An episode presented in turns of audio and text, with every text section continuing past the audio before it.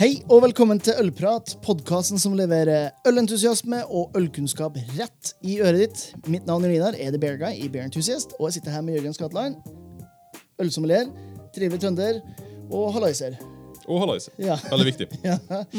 Og i dag har vi et litt eh, filosofisk eh, spørsmål, tema, som vi skal, skal gå gjennom. Mm.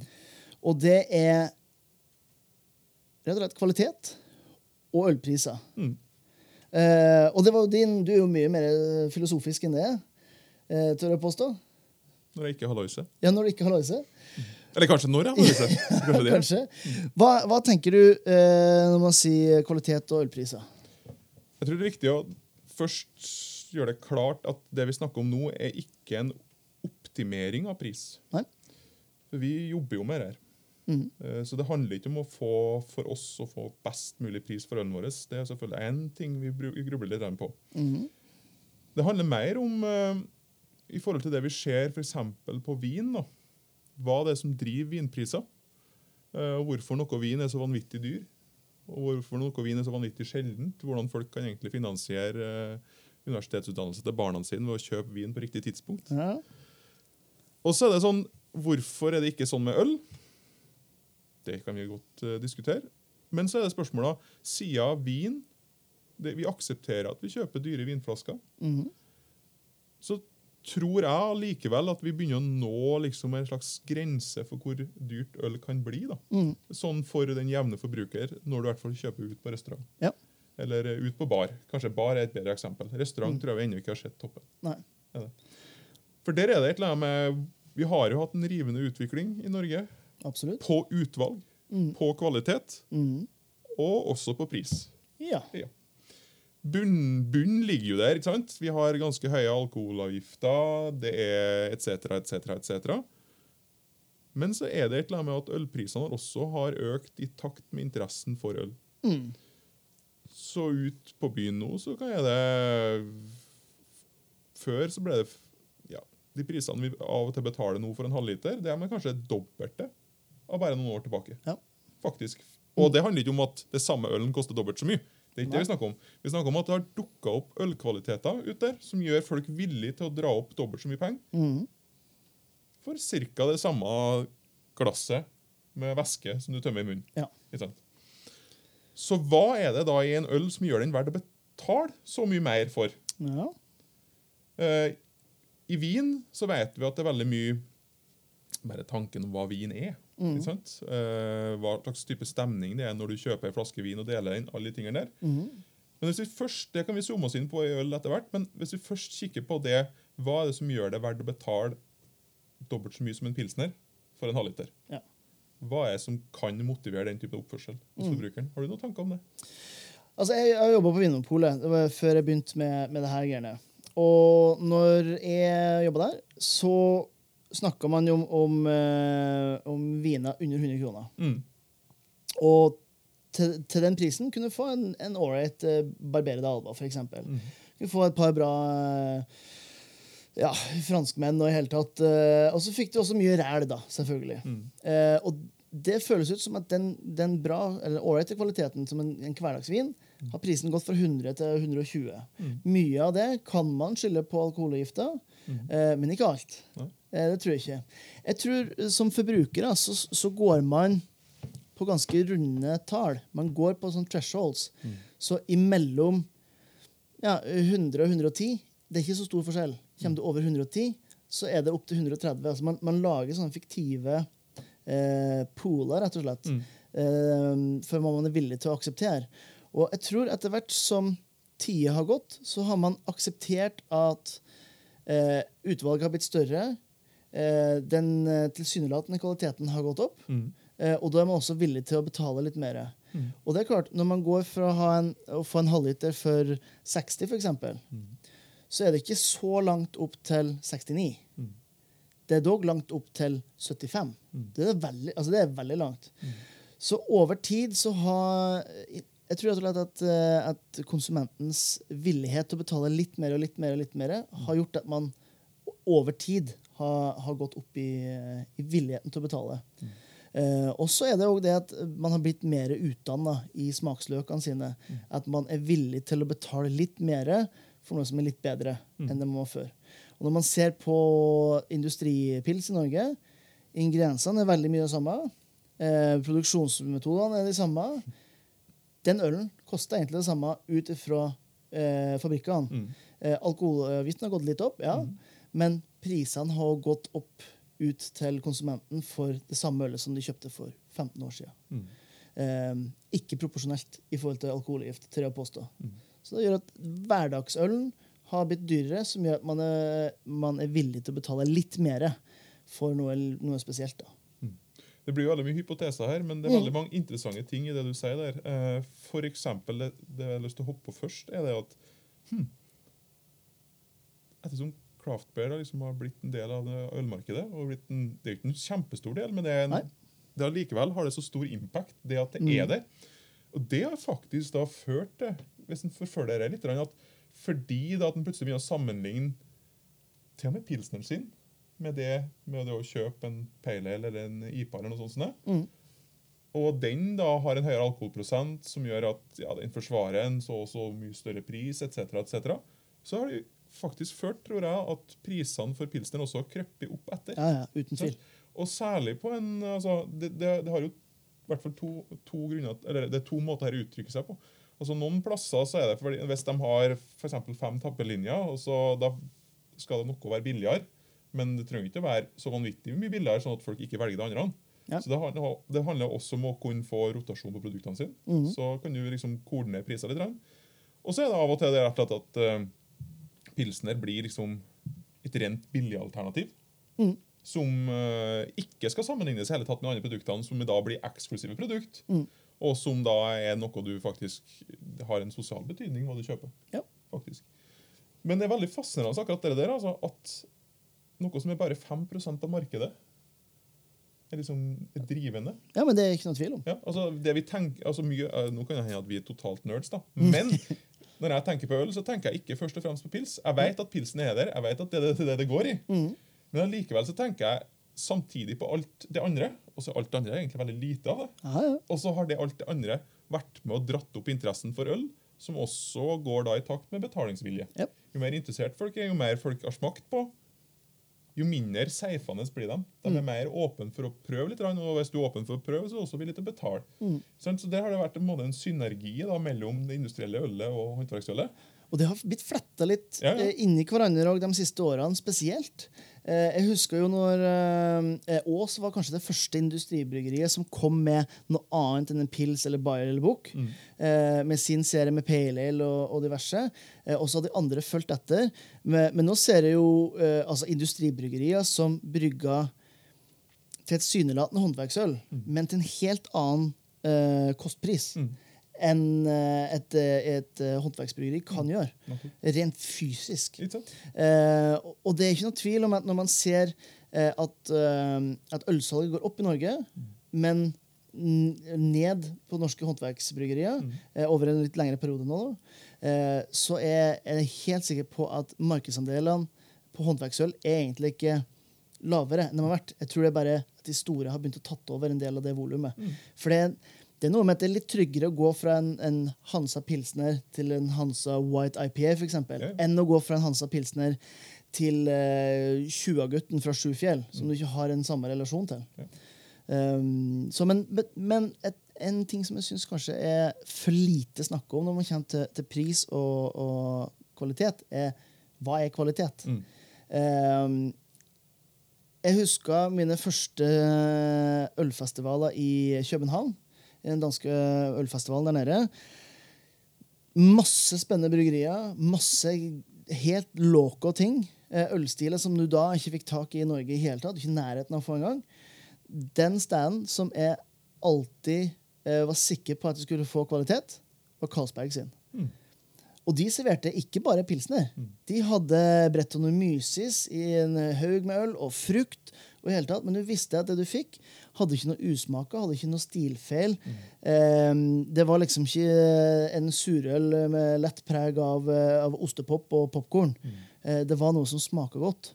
Eh, mens hos de andre så var det litt mer Ja, det kunne være litt, litt hit og dit. Det kunne være magisk, og det kunne være magisk i en dårlig, i en dårlig forstand. Og jeg tror det har blitt et sånt uh, Litt sånn glemt, den diskusjonen der. Hva er kvalitet?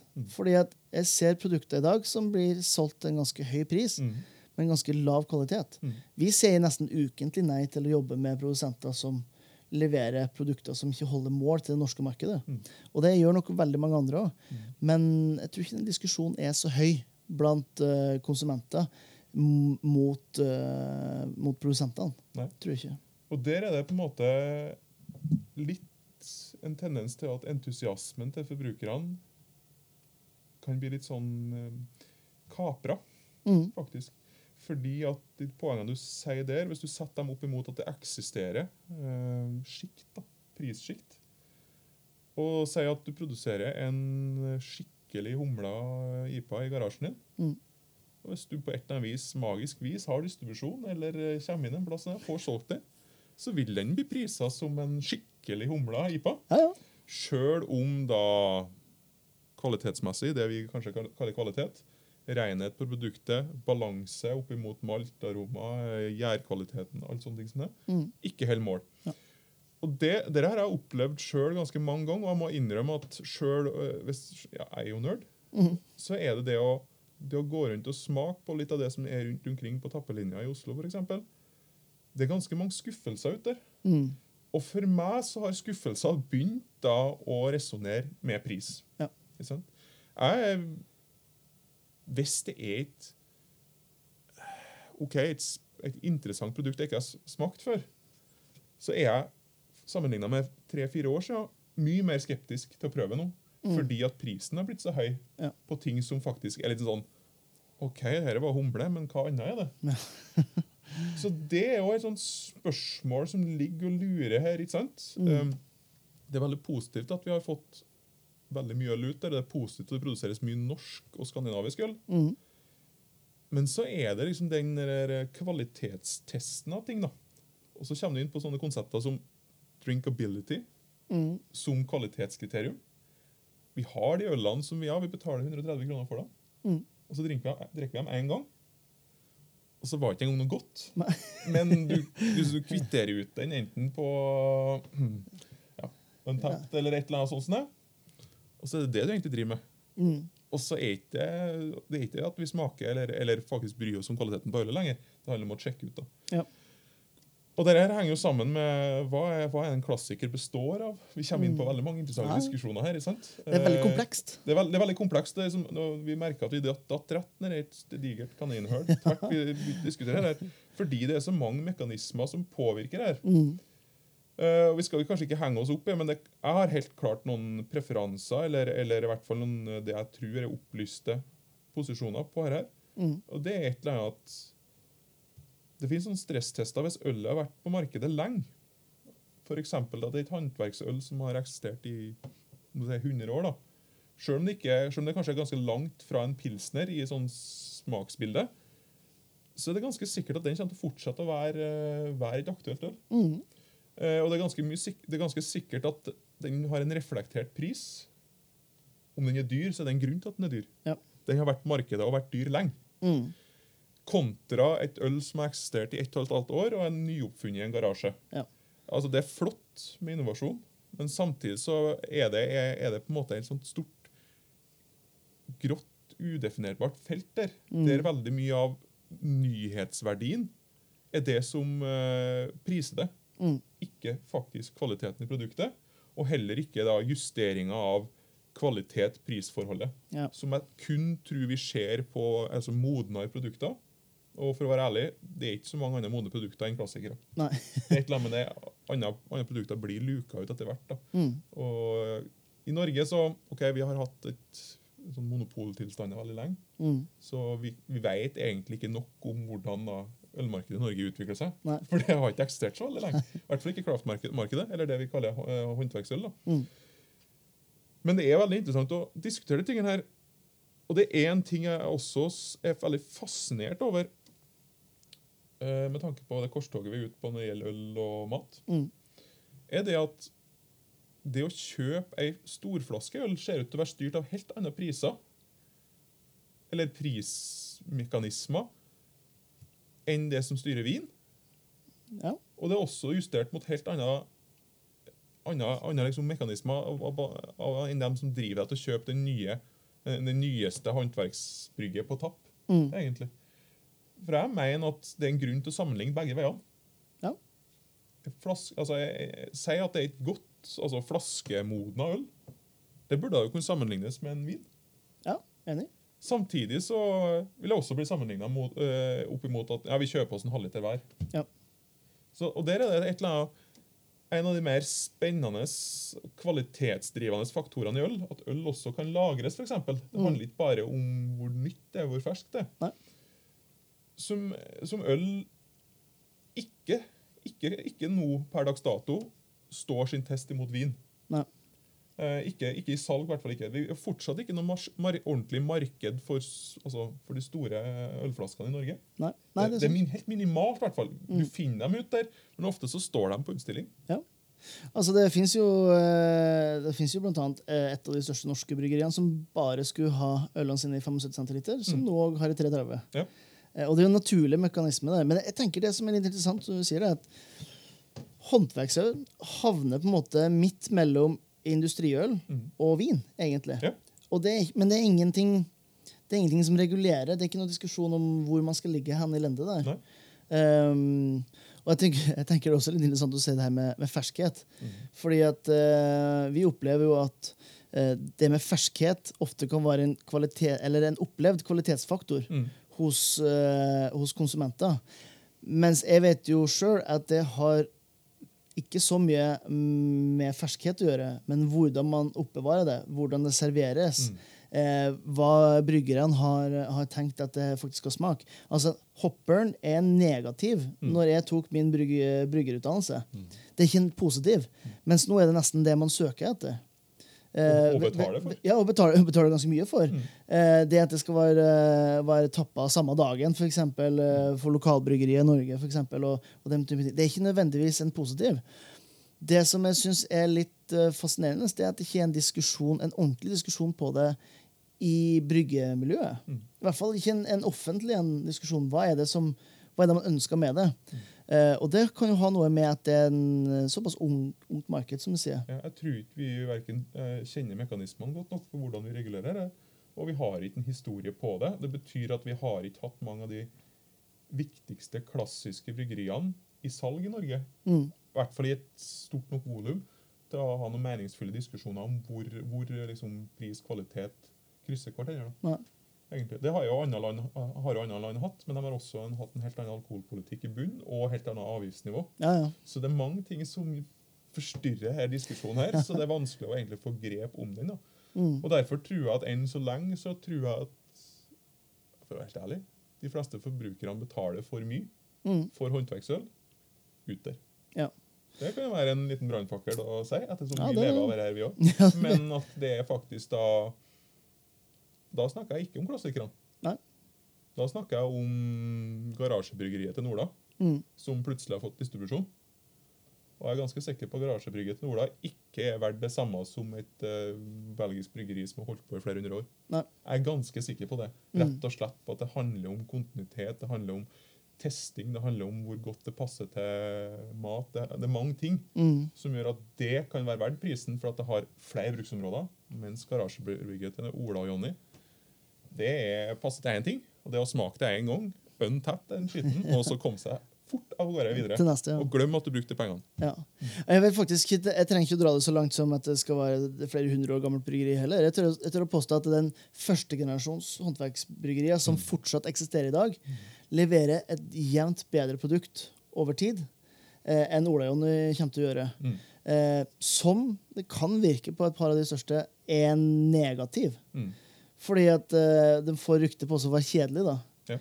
Så da er det jo den, den balansen Jeg tenker De som holder på med Untapped, det er ikke en del av de 5% som kjøper håndverksøl. Det er kanskje 0,5% av dem som er veldig opptatt av det nye hele tida. Ja.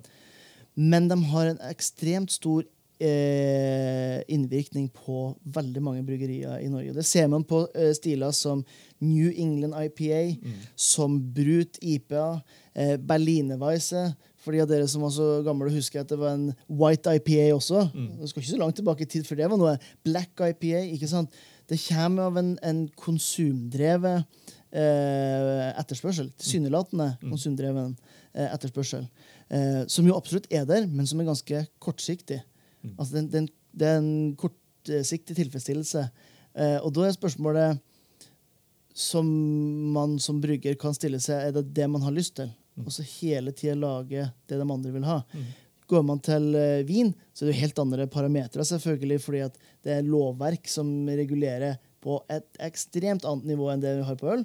Men jeg vil argumentere for det at eh, som, en, eh, som en restaurant så har du en identitet. Du prøver å bygge det opp som en, en sushisted, som et ramensted, som et italiensk restaurant.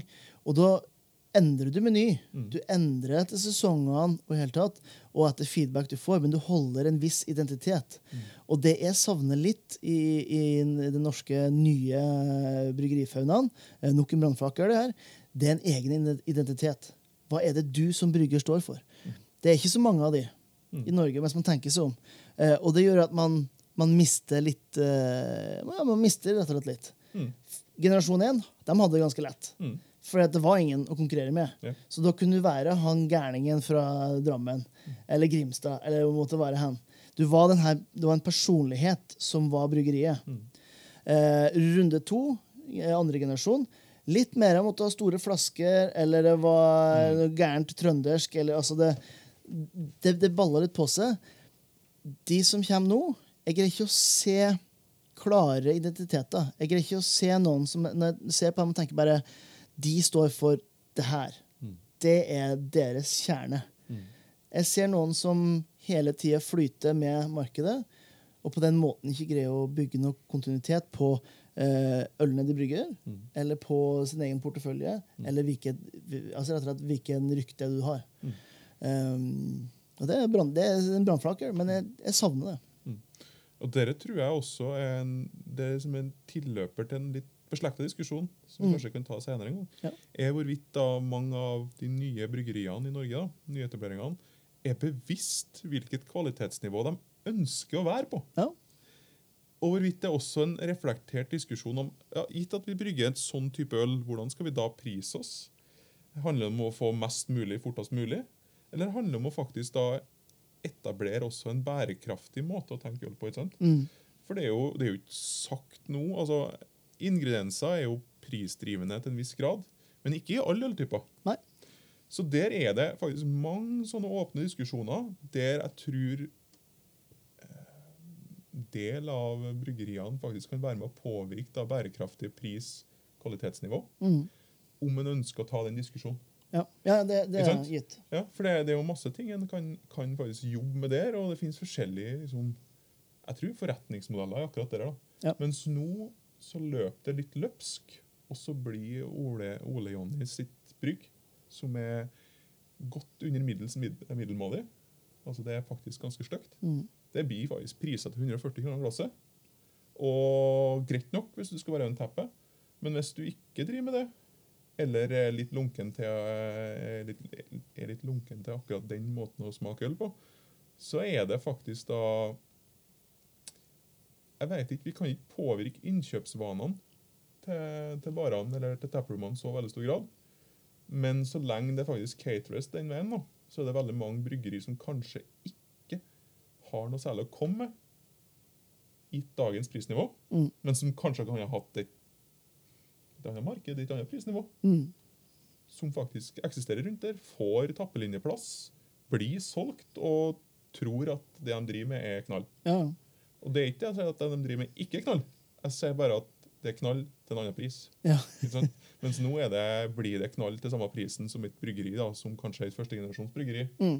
Kanskje er det dyrere enn et førstegenerasjonsbryggeri, som virkelig har jobba mange år med å tweak og finpusse oppskrift, ja perfeksjonær. som de også har fått forbrukerfeedback på, og klart å prise riktig. Mm.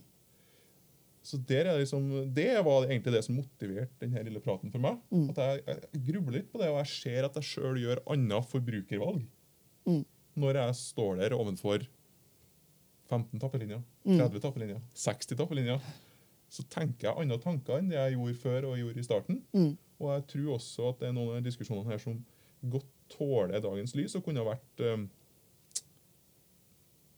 positiv for å utvikle det robuste eh, forretningskonseptet i bransjen. Mm. Sånn at det ikke bare blir et sånt smi mens jernet er varmt. Ja. Salg skiten så lenge vi får solgt det. Ja, ja. For det er ikke en måte å drive forretning på. altså. Nei. Og så håper jeg det ikke er en brygger der ute til Norsk Bryggeri som heter Ole Jonny. for, for det er ikke en spesifikk bryggeri. Håper jeg Vi er ikke. på, vi er ikke på jakt etter noen der. Så jeg håper, jeg håper at det ikke er noen som føler seg direkte truffet. Eh, Men vi stiller oss også de spørsmålene eh, for vår del. Mm. Er det vi leverer den rette kvaliteten til den rette prisen? Ikke bare for oss, altså at man skal ha mest mulig, Mm. eh, men òg for, eh, for kunden og, og forbrukeren. Eh, Og ikke minst gir det noe. Litt sånn som det her. Det vi holder på med podkast, vi holder på med videoer i hele tatt, Gir det noen noe? Mm. Eh, og til hvilken pris? Det er gratis, så det er jo litt annerledes, selvfølgelig. Men ikke sant? hvis vi bare satt her og, og proklamert vår egen, uh, vår egen lyd hele tiden, så, så tror jeg nok at uh, vi har ikke hatt millioner av lyttere. De vil ha denne, vi vil ha den her kritiske, eh, litt sånn objektive Vi tør også se oss sjøl i øynene litt og så, og så være ærlige på det. For det er ikke noe tvil om at det er mye øl som selges for dyrt i forhold til den kvaliteten det er. Mm.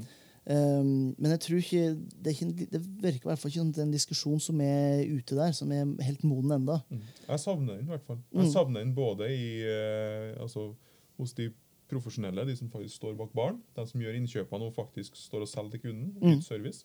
Savner hos kunden, forbrukeren.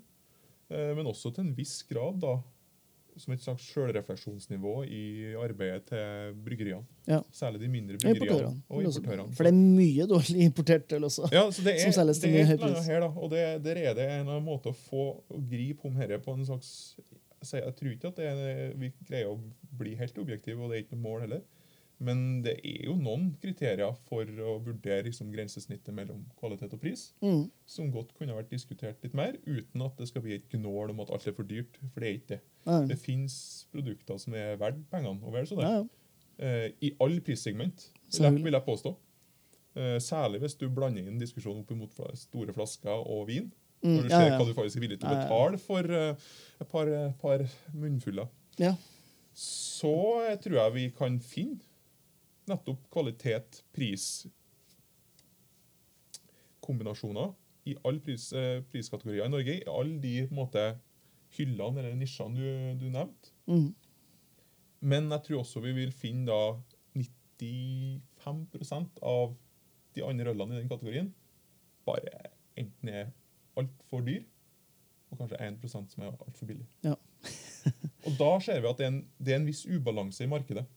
Mm. Og det er ikke på jakt etter å få fjerna den i seg sjøl, men, jeg- men jeg er litt opptatt av at det faktisk kan diskuteres da, hos ikke bare dem som er gnien.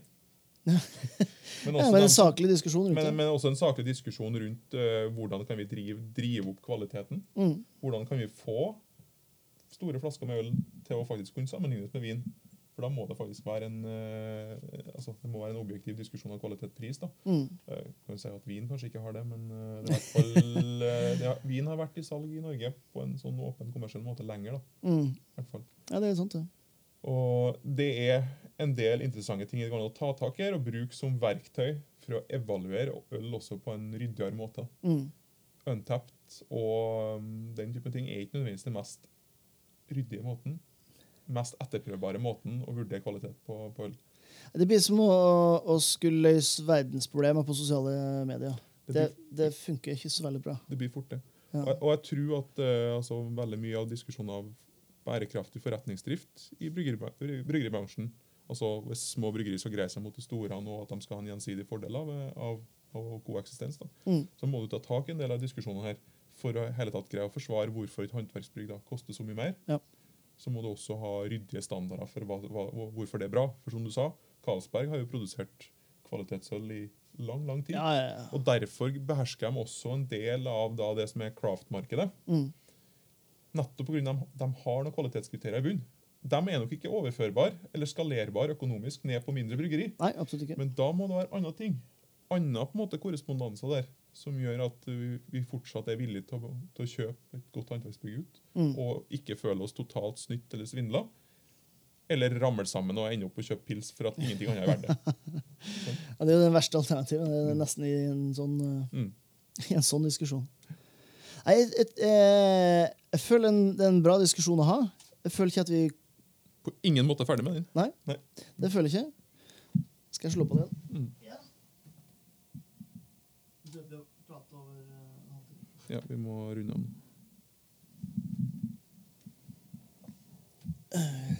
Ja, nei, Vi er jo ikke i mål med diskusjonen. Nei. Og det er som du sier, det er, mange, det er veldig veldig mange lag. Jeg føler at det er egentlig noe vi bør ha inn noen andre enn oss òg, for å diskutere, for å øh, dykke litt ned i, i det. Eh, og det skal vi absolutt uh, få til. Men uh, en, en viktig diskusjon uansett å ha. Um, Det har vært veldig er interessant å diskutere med noen, diskutere med noen bryggere. mm, Og kanskje til og med også andre importører. Ja. Det har vært en interessant diskusjon. Det handler ikke så mye om hvordan de priser øl, men hvordan de vurderer kvalitetspris. da. mm, Uh, og om det, om det er noe å hente der, eller om de faktisk da bare er kasta ut til markedets ville krefter. ja. Og betaler det som uh, faktisk er nødvendig for å få ølen ut. da. Mm. Det gjør ikke vinkundene. Nei. Nei, det Og gjør I hvert fall ikke på de høyere kvalitetene. Så betaler du ikke for eh, logistikk og distribusjon og bunnlinje. Nei. Da er det andre ting som driver det. Og jeg tror det er også positivt om øl kan også reguleres sånn på kvalitet. Mm. Og kvalitet betyr mange ting. Ja. Det betyr også merkevare. Det blir også gjenkjennbarhet. Veldig subjektivt, eh, det her med kvalitet. Det er, det er masse ting der, men det er nok noe vi kan ta tak i. Ja, absolutt. Eh, jeg regner med at for dere som, som fortsatt hører på oss, av de millioner som hadde falt av, falt av så langt, eh, så vil gjerne ha innspill på, på det fra dere. Eh, vi skjønner jo at det her er en diskusjon som er såpass kompleks at vi to her greier ikke å, Nei, å og, løse det i dag. og vi greier ikke engang å holde oss fokusert på en enkel problemstilling, fordi at det åpner seg nye dører gang på gang. Ja, Men om det er noen punkter, om vi har sagt noe provoserende, eller om vi har sagt noe vettugt, mm. Ta gjerne og gi oss tilbakemelding på det. ja, ja. Finne oss på sosiale medier og på, på e-post. Det er bare å fyre av gårde en melding, og vi, så svarer vi på alt. Og tar det gjerne opp i en kommende episode. Yes, Og vi tar gjerne imot mer fokuserte problemstillinger innenfor temaet. Ja, mindre filosofisk, jeg. Mm. Vi måtte bare få begynne en plass. Ja. Ja, men det, det er veldig bra, Jørgen. Takk for at du tok deg tid til å filosofere litt rundt uh, det her med pris og, og ølkvalitet. Fornøyelse. Ja.